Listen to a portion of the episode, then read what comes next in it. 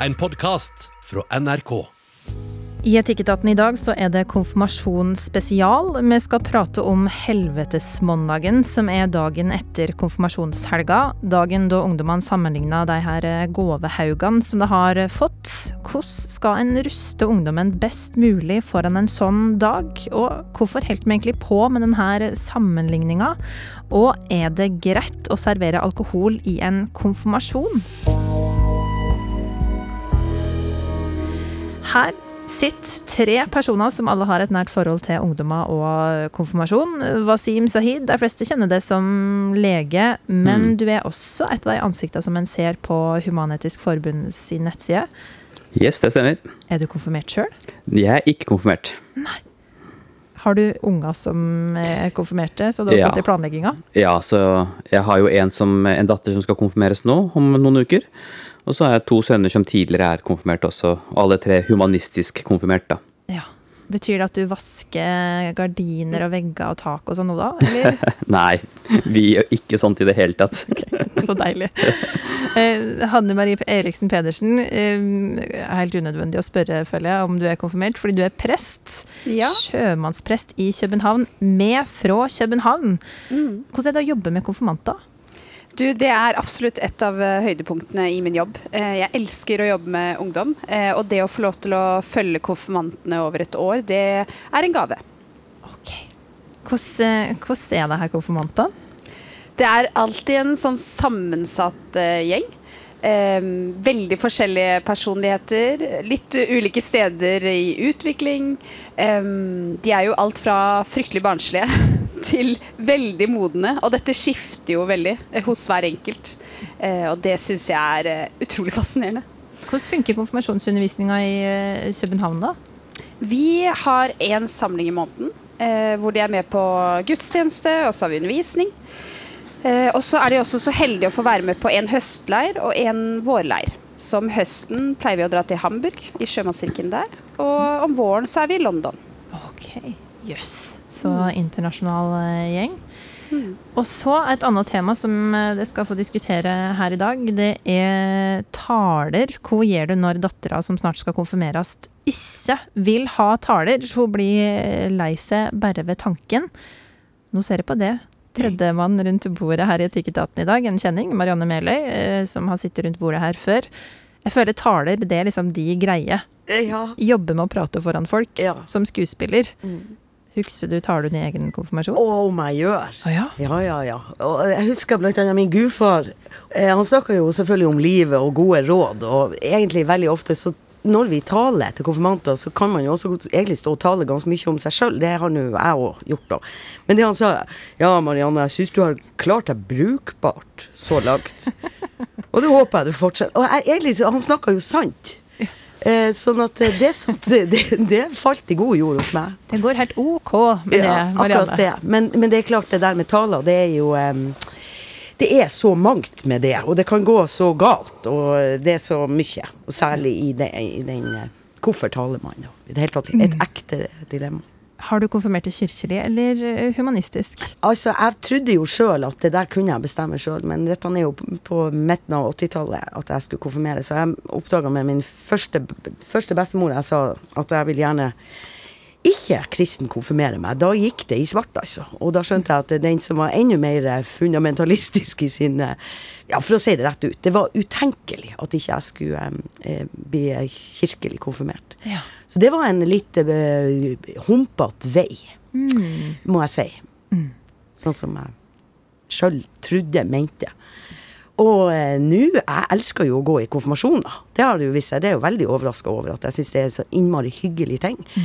Både om det er humanetisk eller kristen eller hva det er. All, alle slags sånne samlinger som handler om framtid, ungdom, at vi er flere i lag om den som konfirmeres. Wasim, ønskte du å konfirmere det da du var 15? Nei, fordi det, det var liksom ikke noe tradisjon i min familie. Eh, Jeg kommer jo fra en muslimsk familie. eh, Og vi har ikke noe tradisjon for konfirmasjon, og heller egentlig ikke noen andre overgangsritualer sånn i ungdomstiden. Bortsett fra at det er en del som markerer type eh, Når ungdommen har lest igjennom eller fullført Koranen for første gang, så er det mange som markerer det og holder en fest med familie og venner. Eh, det hadde vi heller ikke. Men eh, så, så vi har ikke noe tradisjon for den slags ritualer i det hele tatt. Hvilken alder bruker det være den feiringa når du har lest gjennom Koranen? Ja, det kommer an på hvor flinke de er til å lese den. Men det er jo det er typisk så er de jo sånn den alderen, da. 13, 12-13-14 år. Er det, har, har du lest Koranen? Ja. Hvordan er det? Er det vanskelig? Ja. Jo, den var jo på arabisk, så, jeg, eh, så jeg, jeg kan jo lese arabisk. Men jeg forsto jo ikke så mye av den. Men jeg har jo lest oversettelsen også, da. Har du lest Bibelen fra perm til perm, Hanne Marie? Ja, det gjorde jeg faktisk i konfirmanttiden. Fordi jeg ble jo tvunget til å konfirmere meg i kirken av min mor. Eh, Det kan at hun protesterer eh, der hjemme når hun hører dette. Men eh, jeg følte et eh, ganske stort press for at hvis jeg skulle få lov til å få en konfirmasjonshest, så måtte jeg konfirmere meg i kirken. Og da var jeg hardbarka ateist. Mm. og grunnen til at jeg leste Bibelen, var at jeg ville bevise at i Bibelen så står det at Gud kan se inn i fremtiden. Um, og derfor må jo Gud være en idiot uh, som uh, lar ondskap skje.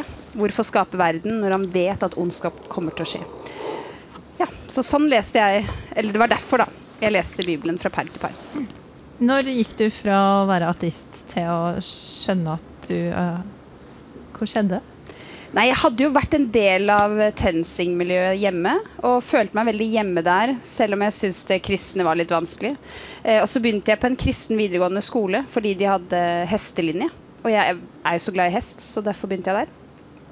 Um, og så eh, følte jeg meg tiltrukket av dette kristne miljøet, og hadde lyst til å bli uh, en del av det. da. um, og så var det en prosess uh, for meg, hvor jeg måtte tenke og vurdere og snakke med noen. Jeg må jo si at jeg har jo hatt eh, en litt omvendt reise enn deg, Hanne Marie. Eh, jeg er jo oppdratt i en muslimsk familie og var troende i, på en viss grad, i hvert fall. eh, før jeg fant ut at jeg ikke trodde på noen gud, og, ble ateist, eller er vel det.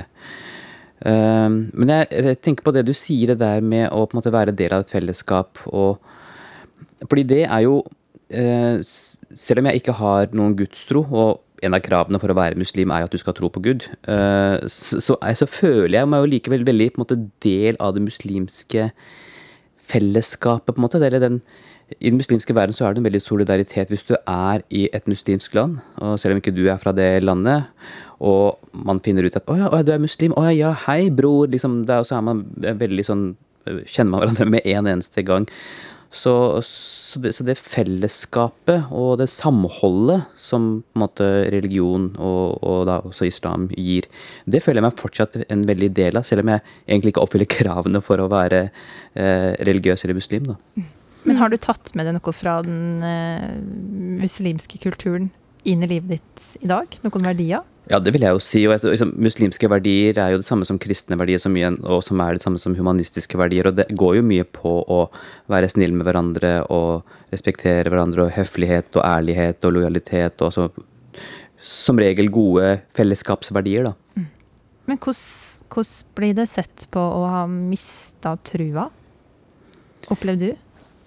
Jeg eh, hadde ikke noen reaksjoner på det i det hele tatt, egentlig. Og det er jo mye lettere å gjøre det her i Norge enn i et annet land, kanskje. Eh, også eh, når det gjelder det muslimske miljøet i Norge, så er jo det noe helt annet enn det i andre muslimske land, kanskje langt vekke. Så nei, jeg har ikke hatt noen reaksjoner på det, egentlig. Hvilket forhold har du til Gud, Marianne? Du, det er jo litt artig det her, for at jeg er jo på en måte er midt imellom det er tredje alternativ, som er mer sånn agnostiker. Jeg må med handa på hjertet si jeg veit ikke. Og det går litt eh, opp og ned. Og så er det jo Jeg kjenner meg veldig igjen i det du sier, Wasim. Det her med å føle seg som en del av eh, Av noe allikevel. Uh, uansett om Og så er det jo særlig fortellinger og sanger. Jeg er så fryktelig glad i salmer. Det er mange greier her som er en, en skatt. Wasim, Hanne Marie og Marianne, vi skal snart til første dilemma. Og hvis du som hører på eh, har et spørsmål som du vil at vi skal ta opp, så er e-posten vår etikketaten krøllalfa nrk.no.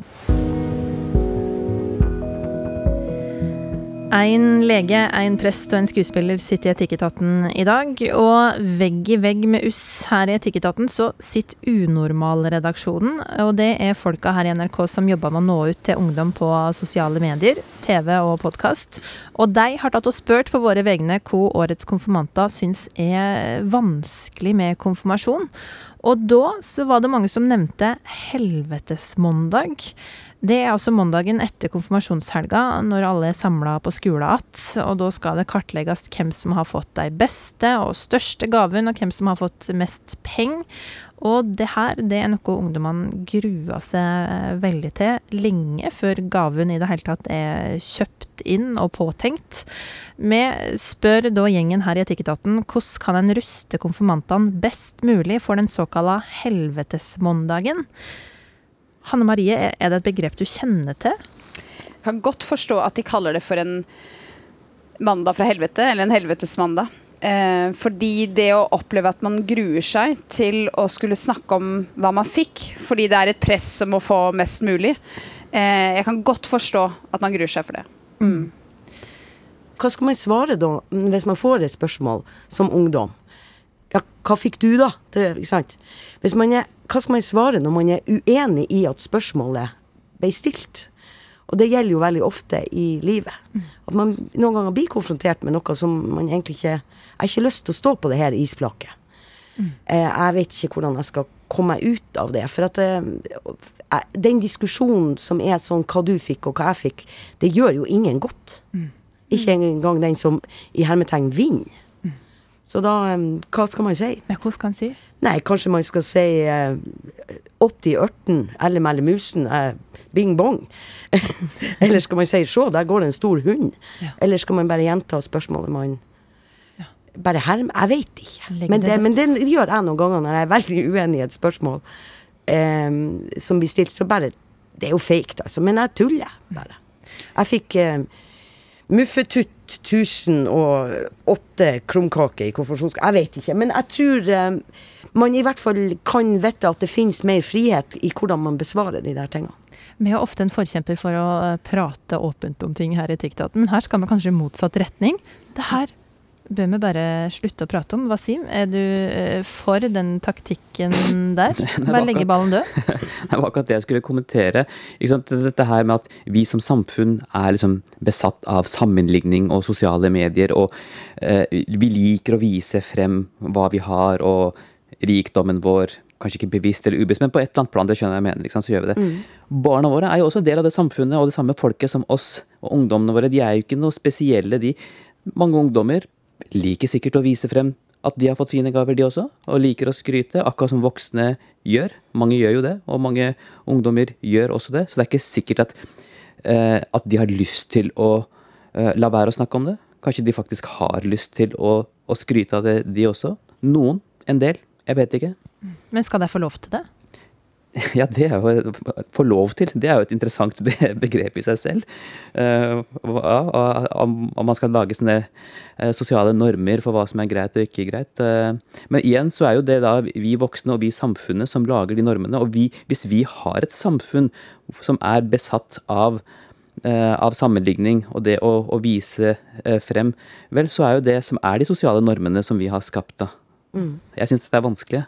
Men i hvert fall tror jeg man trenger å vite at det trenger ikke å være sånn.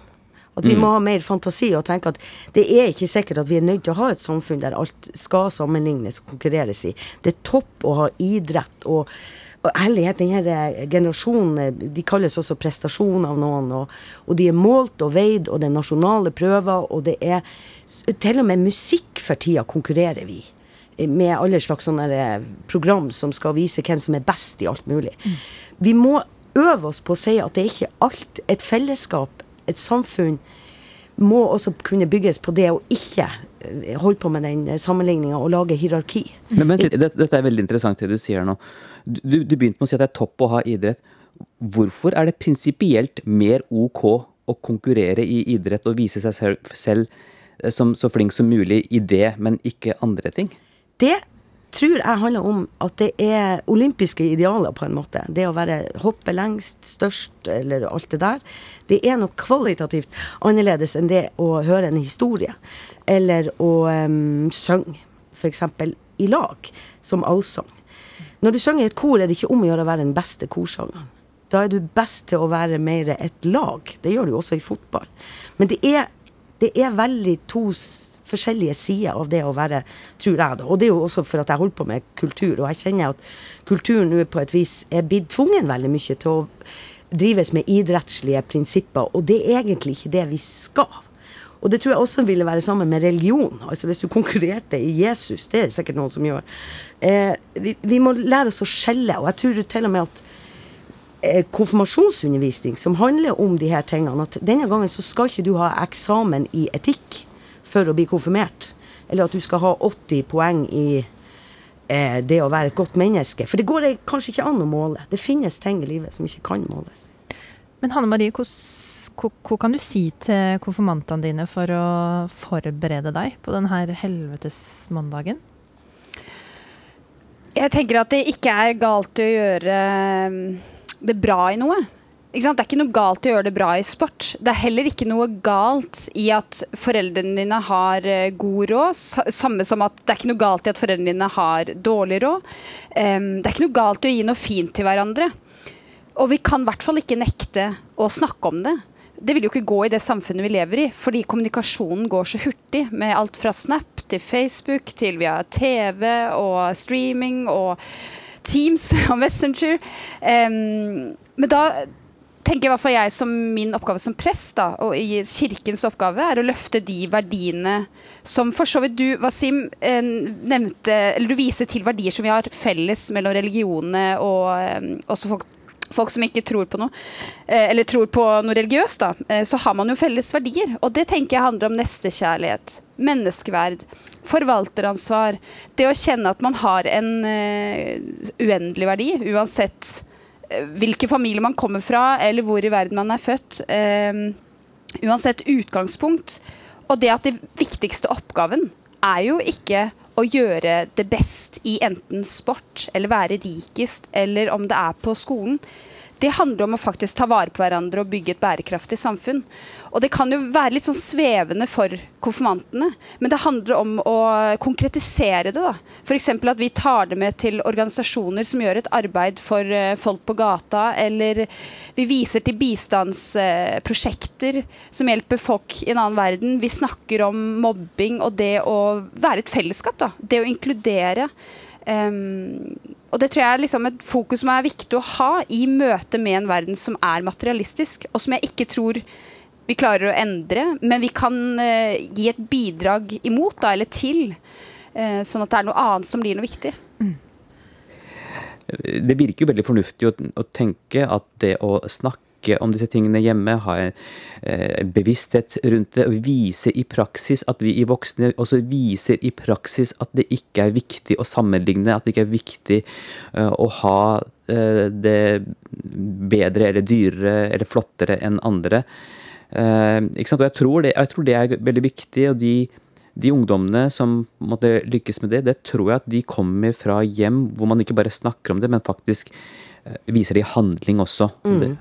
Tror jeg. Mm. Har du noen tanker om hvilke verktøy som ligger i den verktøykassa, da? Som denne ungdommen har med seg?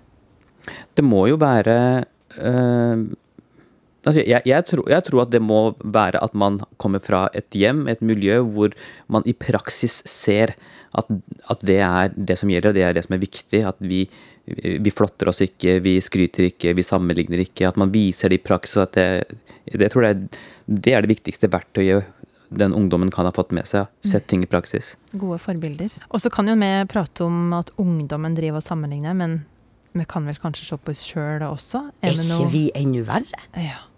Lurer nå jeg på. Mm. Jeg syns jo min generasjon, jeg er rundt 50, er mer materialistisk og tingopptatt enn mange unge mennesker. Men det er jo bare kanskje litt over, sånn Bare noe jeg kjenner. Hva sier du til det, Hanne Marie? Er det den følelsen du sitter med også? Ja, og Når du nevner dette her, eh, Marianne, så tenker jeg på Når jeg går gjennom Facebook-feeden min Nå har jeg eh, venner som er i den alderen at de er enten godt etablerte, eller de kjøper sin første leilighet, eller ja. Og det er mye sånn å legge ut annonser med 'Nå har vi kjøpt et ny, ny leilighet', eh, og så linker de til annonsen hvor man kan se prisen på leiligheten eller huset. Eller de legger ut eh, det de skal selge. Bare 'Nå skal vi selge vårt flotte hjem gjennom fem år'. Løp og kjøp. Og så får man liksom se verdien på huset, og det er noen ganger jeg sitter og tenker Herlighet, har de kommet så langt i livet at de kan eie en leilighet til fem millioner? Og jeg og min kone er litt sånn ja, Vi er ikke oppe i det prissjiktet hvis vi skal kjøpe en leilighet. Man blir jo litt sånn Oi, oi, oi, kan ja, ja. Så det er jo en press på den måten, da.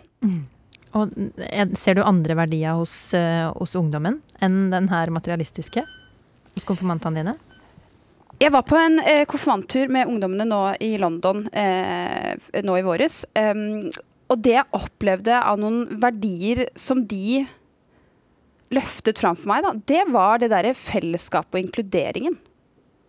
Altså, ja, selvfølgelig er de opptatt av materielle ting, og de viser hverandre sin nyeste telefon, eller kan snakke om den ferien de har vært på, eller men det handlet jo altså det, man, det, man, det jeg så, da, at de eh, løftet fram i praktisk handling, og hvordan de snakket til hverandre, det var inkludering, fellesskap, respekt, eh, at de var glad i hverandre. Eh, så ja, ungdom er selvfølgelig like materialistiske som voksne, i hvert fall i det samfunnet vi her lever i. Em, men det er jo også utrolig fint å se at ungdommen også løfter opp andre verdier. Og det gir meg litt sånn håp i framtiden. Eh, og vi har faktisk mye å lære av dem. Ikke bare at de skal lære noe av oss. Wasim, hva kommer du til å si til din kommende konfirmant? Kommer du til å anbefale å ikke sammenligne, eller? Altså, eh, min kommende konfirmant er veldig mye mer klokere enn meg. Vi voksne er veldig flinke til å droppe hinter om ting vi har ervervet og kjøpt, og turer vi har vært på, og som på en måte klart og tydelig viser hva du, hva du tjener, hvor mye du har, hva du eier, hva slags jobb du har. Og, og, og barna våre syns jo sånt er eh, Hintet om egen rikdom er det de kaller for cringe. da. Det er Ja. liksom teit. Ja. De, de gjør jo ikke det. Så de er bedre enn oss allerede. Så viktig. Da skal vi forlate helvetesmandagen, og så skal vi nærme oss eh, konfirmasjonsfesten. Når vi nå skal til neste dilemma her i eh, Etikketaten. Her så sitter skuespiller og dramatiker Marianne Meløy, lege Wasim Sahid og prest Hanne Marie Pedersen Eriksen. Og vi har fått inn et spørsmål fra Kari til e-posten vår, som er etikketaten krøllalfa nrk.no. Hun skriver Hei, Etikketaten. Jeg har havna i en diskusjon med noen venner som òg har konfirmant denne våren. Og da jeg sa at vi skulle ha vin til maten, så var det flere som steila vin i konfirmasjon, liksom.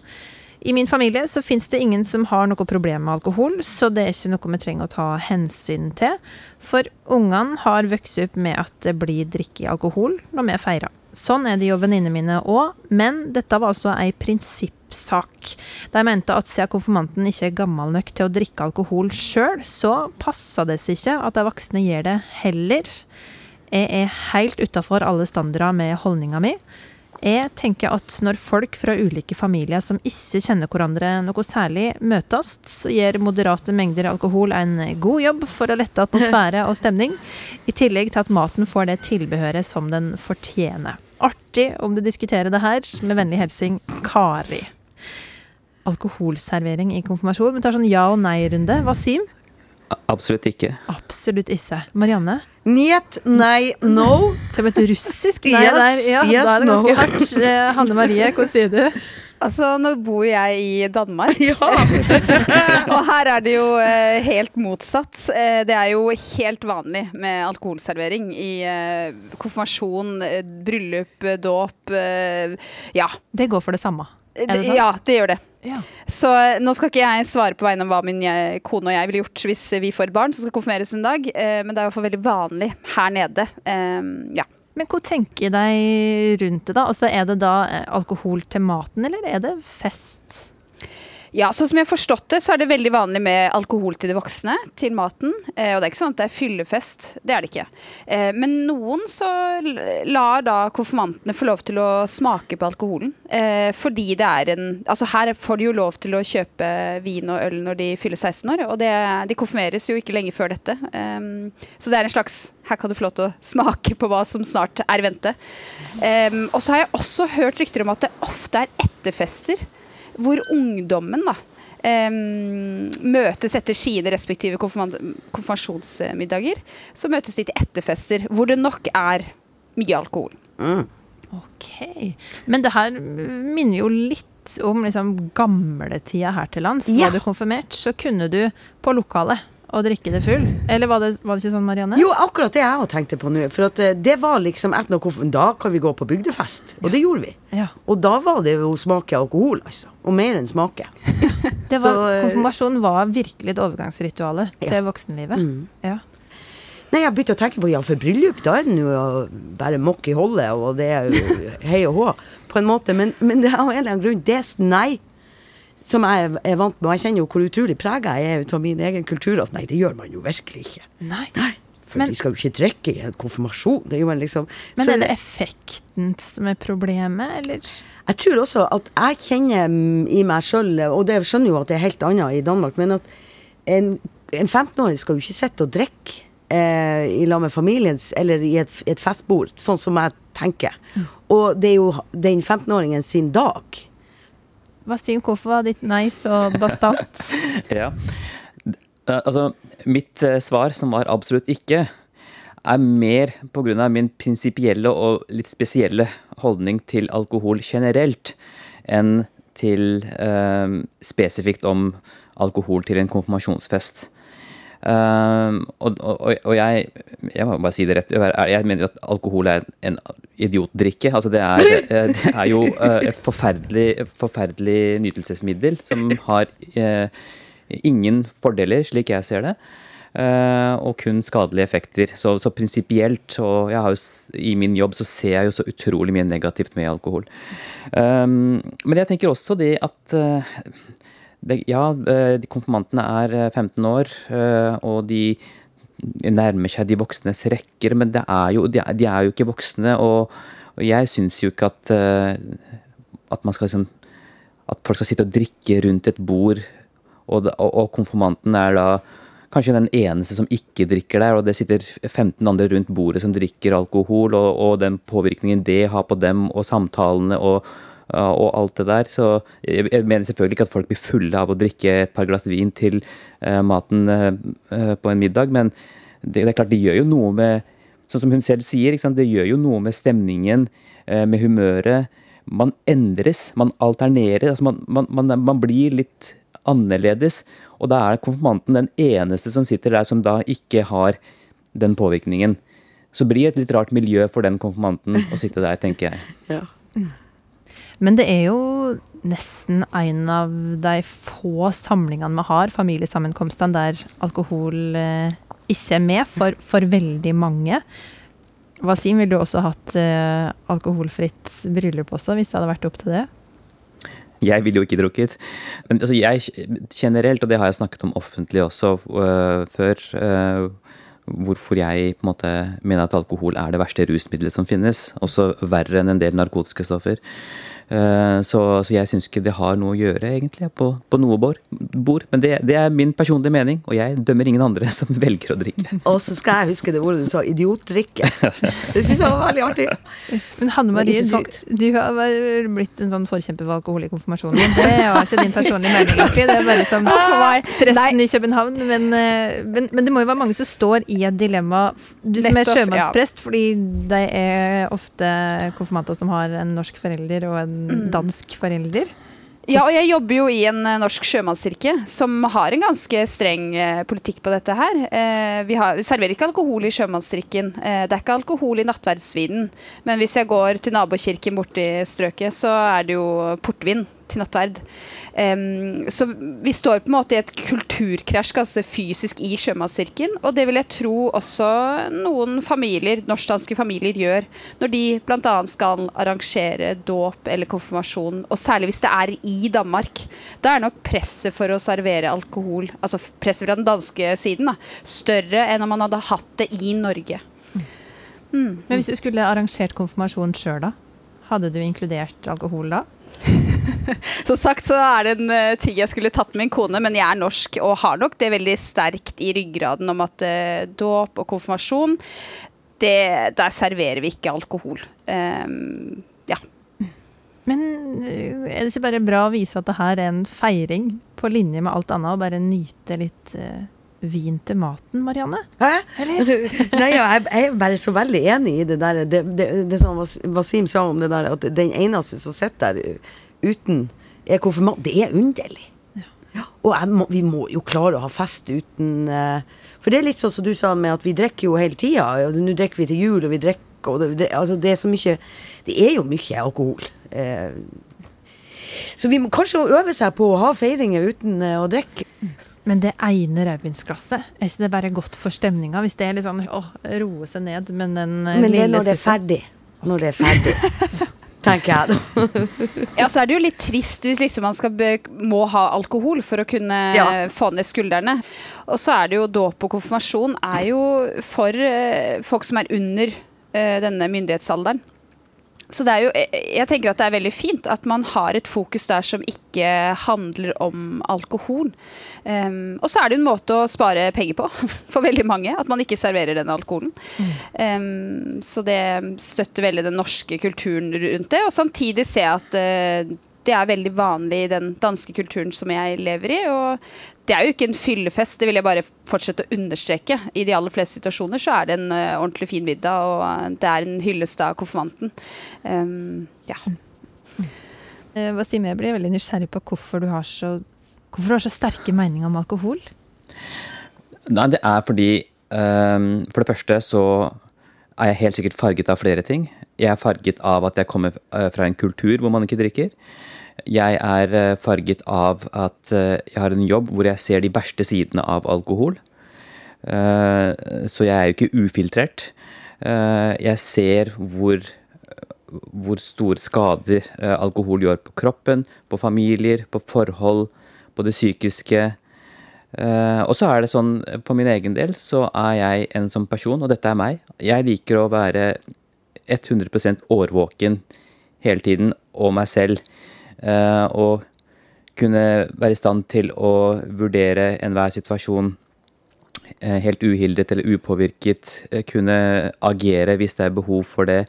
Være present, være til stede 100 Eh, og, da, og da er det jo liksom, det er jo noe som hemmer meg, selv om jeg hadde drukket bitte lite grann også. Fordi man, litt promille gjør jo også at du blir litt annerledes og reagerer litt tregere. F.eks. reaksjonsevnen og sånt, og vurderingsevnen eh, senkes jo lenge før du har nådd f.eks. promillegrensa for trafikken. Eh, Så det er ikke så mye som skal til. Men det er, det er meg selv. Det er det personlige. Jeg vet jo at når jeg snakker om at alkohol er farlig og på en måte det, det er skadelig, så gjelder jo selvfølgelig ikke det veldig eh, forsiktig bruk, eller det som folk flest har som normal bruk. Eh, Men for meg så er det det på en måte å være 100% meg selv, da, og ikke, ikke være påvirket eller svekket i noen situasjoner. Og så elsker jeg å kjøre bil. Jeg elsker tanken om at jeg klokken tre på natten kan hive meg inn i en bil og dra et eller annet sted og kjøpe en bagett hvis jeg har lyst til det. Eh, Og det vil, jeg, det vil jeg gjerne være i stand til hele tiden. Ja, for du helte ut til klokka tre. Ja, ja, ja. Ja, ja, ja. Ingen problem. Nei, men eh, altså, Kari ble overraska når hun satt og snakka med venninnene sine om alkohol i konfirmasjon, og hun fikk nok ikke bekrefta sitt eget syn på saken, sjøl om jeg føler jeg har prøvd å kjempe alkoholens kamp ørlite grann her. Kanskje om å dra til Danmark og få noe eh, støtte for sin eh, familiekultur på akkurat det feltet der. Og så misunner jeg ikke det her eh, dansk-norske familiene som må finne en enighet, fordi det her sitter djupt i, i folk. Vi skal la dilemmaet ligge her i Etikketaten, og så skal vi til vårt eget beger, nemlig Vår hellige gral. Eh, Marianne, du skal få lov til å trekke Ja. spørsmål. Med, med handa, holdt på å si, oppi pokalen, eh, gralen. Skal jeg lese? Du kan lese. Når blir du redd? Jo, det er mye. Eh, altså, jeg er jo redd eh, Jeg er jo redd eh, trafikk. Jeg er redd eh, Ikke så veldig redd for Nå er jeg jo redd krig. Og jeg, det jeg er aller mest redd er for, er jo klima. Og da går jeg jo helt i svart. Så det der evige greiene med å prøve å lage et slags bærekraftig håp om planet og natur og alt det der, det må være svaret. Men når kjenner du at denne klimaangsten eh, utløses? Hva er det i omgivelsene som Ja, kan få deg til å bli redd? er det nyheter. Eh, Og når jeg går inn på noen sånne plasser, og, altså rapporten fra FN og sånn, så skjønner jeg ikke, så har jeg en sånn slåsskamp med meg sjøl som handler om Hvorfor går du inn og leser om det her, da? En Fjott. Det bare Det gjør jo ingen godt.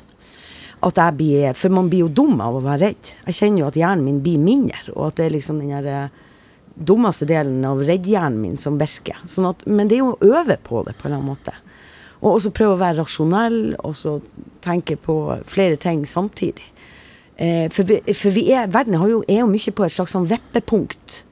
Og det kan man jo lyge om, eller eh, forskjønne. Eller så må man jo stå der og si at eh, nei, nå syns jeg det ser så veldig bra ut. Og jeg er engstelig for framtida. Det, det ville jeg aldri ha sagt for fem år siden.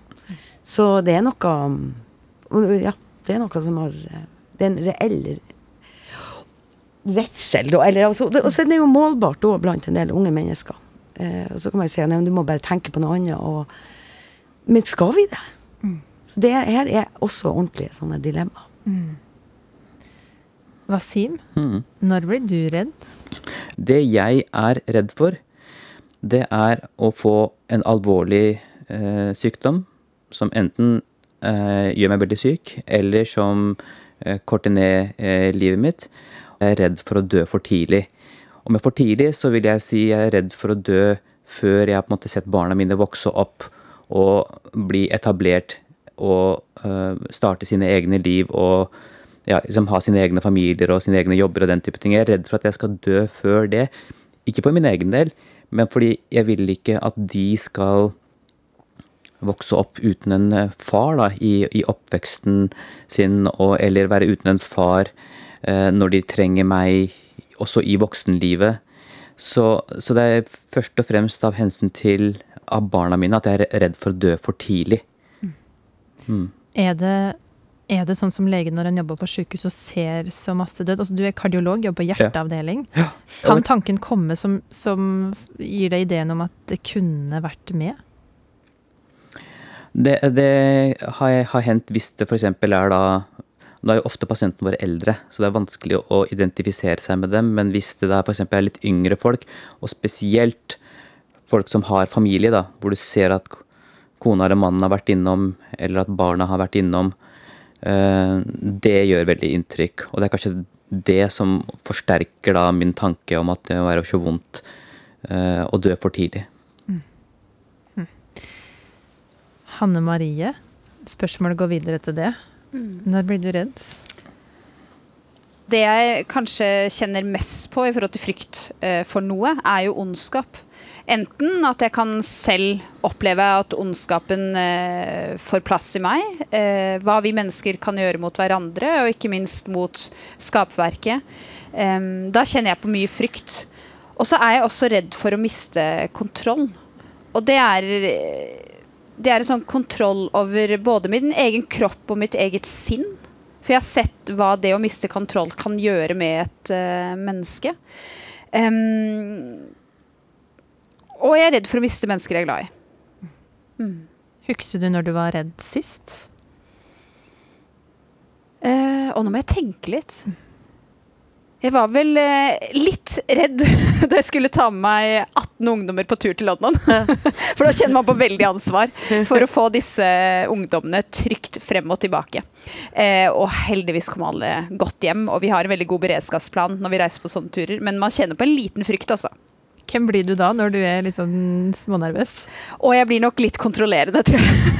Jeg har veldig behov for å gi klare instruksjoner, og at vi har kontroll på at alle er med, og det skal telles hele tiden. Um, og det er viktig for meg å sjekke med hver enkelt konfirmant. Går det bra? Eh, har du fått i deg mat? Drikker du nok? Ja. Alle sånne ting. Drikker du deg riktige tinga? Vann, selvfølgelig. Ja. og andre ting uten alkohol.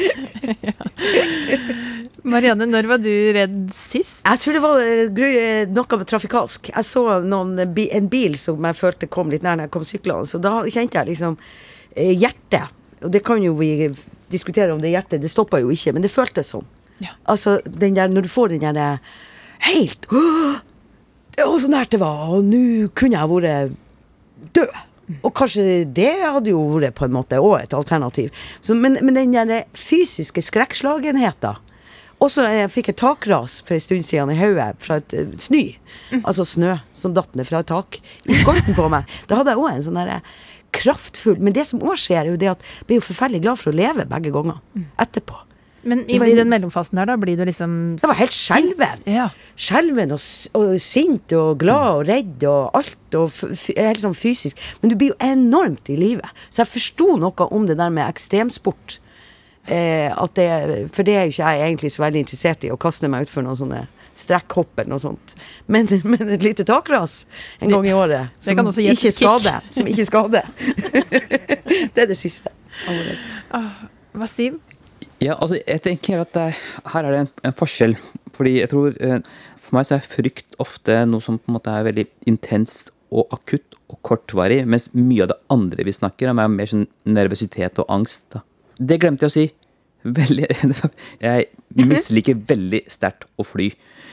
Og jeg liker å tenke at jeg er så rasjonell og logisk og alt det der, men der kommer min irrasjonalitet til de grader frem, fordi jeg vet jo at å fly er den tryggeste formen for å reise. Men hver gang jeg går om bord med et fly, så er jeg sikker på at dette er den ene gangen hvor flyet kommer til å krasje. Og, og, og, jeg, og jeg er oppriktig redd idet flyet tar av og idet det skal eh, lande.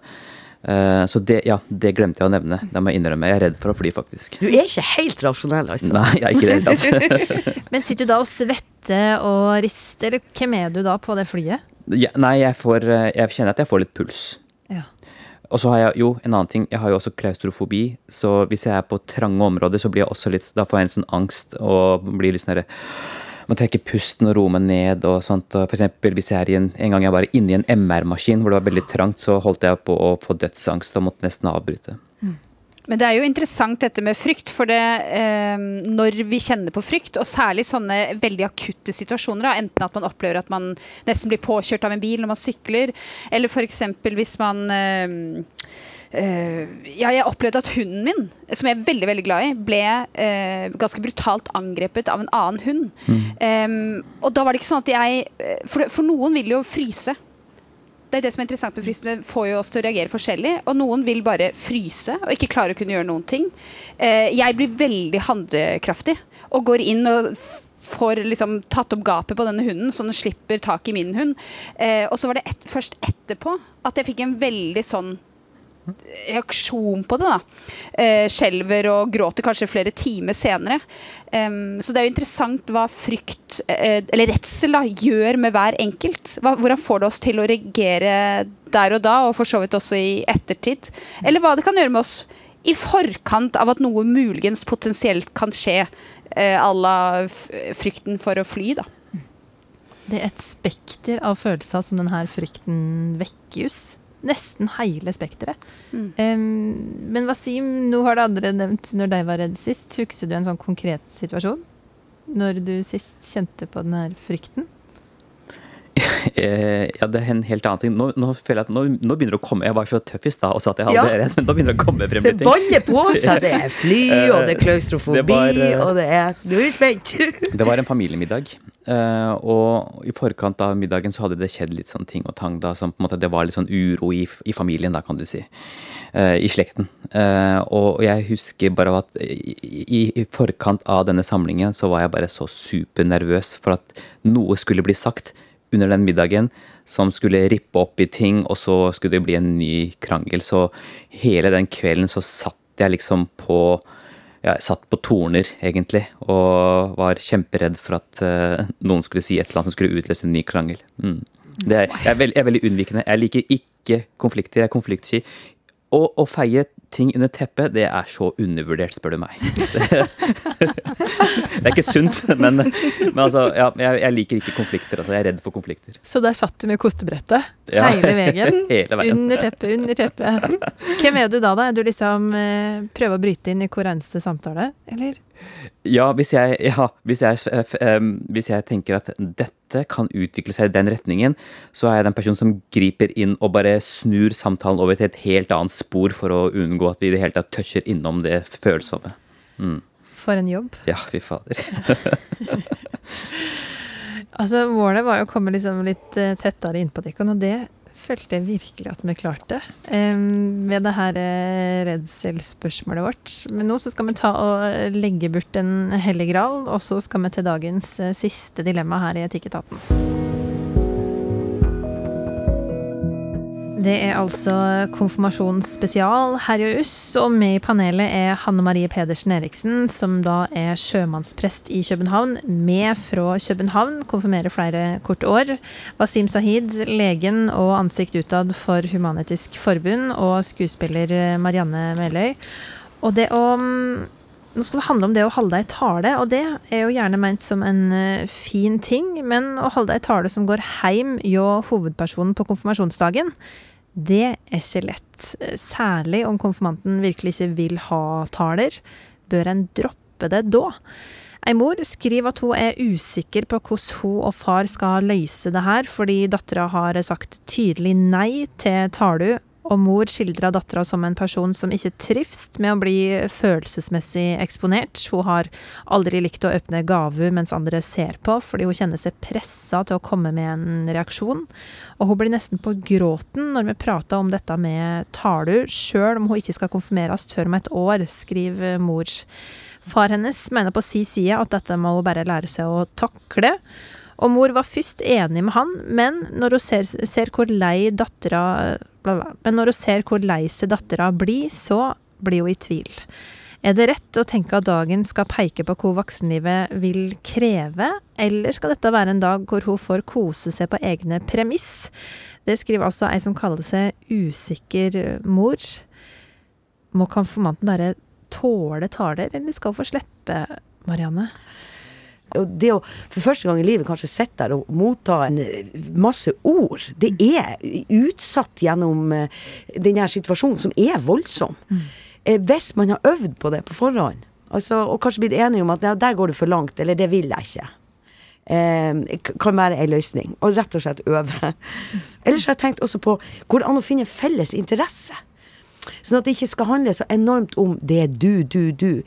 Men altså, hvis de nå er interessert i 'Ringenes herre', mor og datter her, eller eh, Altså, finn noe som kan gjøre en omvei inn i metaforen, sånn at det blir på en måte tale med i litt hermetegn, eller innholdet ikke blir så enormt trykt kun på, eh, på 'nå skal jeg snakke om deg', liksom. Mm. Sånn at eh, ja, driver og tenker veldig hva kan være lurt til. Ja, det her er vanskelig. Men mm. hva er en vil med å holde taler i konfirmasjonen, Hanne Marie? Hvem er det, hvem er det for? For meg da, som er prest i kirken, så er det jo et uh, kirkelig, religiøst rituale. Um, og det er jo et overgangsrituale i samfunnet. Uh, nå er man i ferd med å bli voksen, og det er denne overgangen til voksenlivet. Og det er jo det faren i dette tilfellet peker på men det jeg opplever her, er at uh, det er en ungdom som virkelig reagerer ganske kraftig på det. Uh, og først og fremst vil jeg jo som forelder dykke litt dypere ned i det. Hva, er det, hva gjør det med deg? Er det det at du syns det er vanskelig uh, å se andre se deg reagere? Um, eller er det andre ting som ligger bak? Hvordan, altså, kan vi legge til rette på noen måte? Um, og indien så handler jo konfirmasjonen om konfirmanten. Og da må man ha litt respekt for hva konfirmanten ønsker. Og hvis tradisjonen eh, bare er til for tradisjon, tradisjonens skyld, så tenker jeg at da har tradisjonen utspilt sin rolle. Eh, og det er jo ikke sånn at det er skrevet i sten at man må holde tale i en konfirmasjon. Det er veldig fint å kunne bruke ord som en gave til konfirmanten, både på å se tilbake på hva som har vært, det som er, og lykkeønskninger for fremtiden. Eh, men det, det, kan man jo også få gitt på andre måter. Enten ved å skrive ned, lage lysbildeshow som hvis konfirmanten ikke vil at det skal vises under eh, festen, så kan, man, kan du få det på en minnepenn eller på Man har kanskje ikke minnepenn disse dager, men på andre måter. Da, få se det på egen hånd. Um, så det, det handler kanskje da om å finne en annen innpakning på det hele. Så jeg er nok litt sånn fan av å droppe de talene. Hvis det blir for vanskelig. Vi er jo ulike som mennesker. Noen av oss er veldig framme i det offentlige rom, og andre av oss vi liker å være tilba tilbakelente litt i kulissene, ikke stikke hodet fram. Der er vi jo forskjellige. Så det betyr jo ikke at hun ikke blir forberedt til voksenlivet med å ikke orke å uh, håndtere taler da, til seg selv på sin konfirmasjonsfest. Wasim, blir det taler i konfirmasjon eller ikke? Hva tenker du? Altså, jeg er en veldig taleperson, eh, og jeg kommer fra en talefamilie. Eh, så for meg så er eh, det er noe veldig flott med å hylle en person under en fest gjennom en tale. Det gir det en sånn høytidelighet. Det gjør det på en måte litt mer formelt og spesielt, som jeg tror er med på å skille det fra en annen ordinær sammenkomst eller fest. Og jeg føler at talen er først og fremst for den som hylles og feires, men også for de øh, andre som, som, er der. Men jeg vil jo ikke påtvunget en ungdom som syns det er veldig vanskelig med den type oppmerksomhet. Og at nei, vi må ha tale fordi det er en del av, av Nå er du voksen. Altså Hvis man f.eks tar dette argumentet om at eh, ja, nei, konfirmasjon er overgangs, eh, et overgangsrituale, og da kommer man inn i voksenlivet. Og i voksenlivet så, eh, så holder man taler, og i voksenlivet så må man eh, akseptere å være med på ting, selv om kanskje ikke man er veldig komfortabel med det. Det er klart, det kan man ha som et argument, men man kan også si at en del av voksenlivet, det er å forhandle. Mm. Det er å si ifra om at dette Eh, ønsker jeg ikke. Det er å prøve å argumentere for å få sin vilje. Det er også noe vi voksne gjør en del av voksenlivet. Eh, og hvis det er en person som syns det er så vondt med taler, så er ikke taler så viktige. Altså det, er tross alt konfirmantens dag. Man skal gjøre det man kan for å gjøre konfirmanten glad og lykkelig og gjøre det til en minneverdig dag. Og hvis konfirmanten syns det er flott å få bli hyllet med en tale, så skal man gjøre det. Men hvis konfirmanten syns det er helt forferdelig, helt forferdelig, så kan ikke jeg se noen god grunn til å, å tvinge den personen gjennom det. Men hvis en eh, av dine konfirmanter i familien Wasim, ville sagt nei til taler, hvordan kunne du gitt de orda som du ville gitt til konfirmanten på en annen måte? Laget en video. Det har jeg gjort før hvor jeg eh, Og det, det syns jeg ble veldig fint, hvis jeg kan si det selv. Eh, at jeg eh, satte meg foran et kamera og snakket fra bunnen av hjertet mitt i en video som var i to-tre minutter. Og, og, og, spilte den inn, og, og, ga den, sendte den til en av barna mine.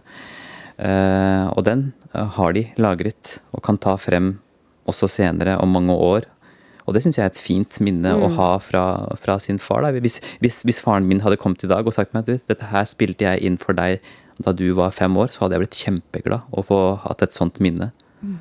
Det er egentlig synd at de som faktisk uh, liker taler i konfirmasjonen, at det er så flyktig. Mm. Det finnes jo ingen plass. Det var mm. penn og papir, liksom. Ja. Men er ikke det òg litt uh, det det skal være? Det her med at vi, alt skal dokumenteres, telles, mm. måles. At det er det å være rundt et eller annet slags type leirbål, eller at dette skjer bare nå akustisk live i lag med oss Vi vil godt. Vi, vi, er også et fellesskap som klarer å snakke høyt i lag om følelser.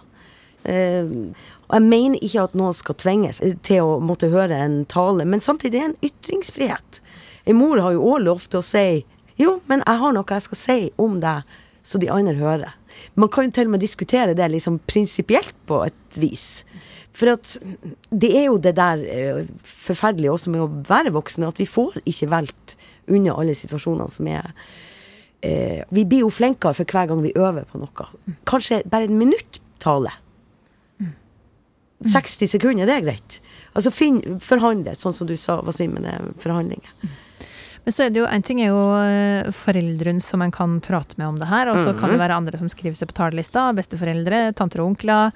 Hvordan kan en formidle til deg at uh, det ønsker vi seg? Det er ubehagelig for konfirmanten. Hanne Marie, ja, for det er jo ikke bare for foreldrene og konfirmanten som har forventninger til dagen. Det er jo, som du sier, andre også. Eh, familiemedlemmer og venner som på en eller annen måte har lyst til å bidra. Um, og man ser jo det i egentlig alle sånne familiesammenkomster som er litt sånn høytidelige, om det er bryllup eller om det er konfirmasjon eller dåp, så er det jo noen forventninger som ligger der pga. tradisjon og historie. Og, det er man vant til. Man er vant til at bestefar skal holde en tale. Eller så, det kan være vanskelig for dem å forstå. Uh, hvorfor skal det ikke være taler? Dette er veldig merkelig. Eller, uh, og det, I noen tilfeller så kan det bli en ordentlig familiekonflikt ut av det. Og det vil man jo selvfølgelig unngå. Jeg tror det er veldig viktig hvis eh, foreldrene, noe jeg håper, støtter konfirmanten sin. Eh, og når de legger det fram, ikke sykeliggjør det. At det ikke handler om at hun ikke tåler, men at hun ønsker en konfirmasjon som skal være sånn og sånn. Derfor blir det ikke taler. Sånn at ikke hun blir et sånt merkelig menneske som eh, er sykeliggjort og som trenger å gå til behandling for det. For der er man jo veldig forskjellig. Gjør det litt mer naturlig, da. Eh, og noen ganger så tror jeg ikke man alltid får andre familiemedlemmer eller venner til å forstå hvorfor. Og da må man bare si at sånn er det. Og sette ned foten og line opp noen grenser. da. Så er det jo konfirmanten med sine foreldre, da, foresatte, som bestemmer. Høres ut som jeg må legge fram en bok eller noe. At folk kan liksom skrive, få formidla ordet til konfirmanten. Fordi det er jo En ting er å være taletrengt, men det har jo s- antageligvis et ønske om å si noe fint på denne o så store dagen. Det er jo en gave å få en tale. Mm. Skriv det ned. Spill det inn. Gi det på forhånd eller etterkant, eller sånn at konfirmanten kan sitte med det alene. For jeg tror ikke det er det som er problemet her. Og det å motta de ordene. Men Jeg tror det er foran alle andre. Men det er jo en verdi også i våre samfunn, skulle man jo tro, da, noen sånn vestlige humanistiske verdier, noe ytrings... eh, og det å tåle at andre ytrer noe du sjøl ikke bestemmer, at de Og ikke kunne kontrollere hva andre sier og mener. Det å tåle også at det er ikke behagelig, det andre ytrer, er en stor del ut av det um, å være menneske, da. Så jeg kjenner at jeg, jeg blir litt sånn eh, ei mor som skal Eller en far som skal kontrollere hva alle sier i konfirmasjonen. Hva er det slags gjeng?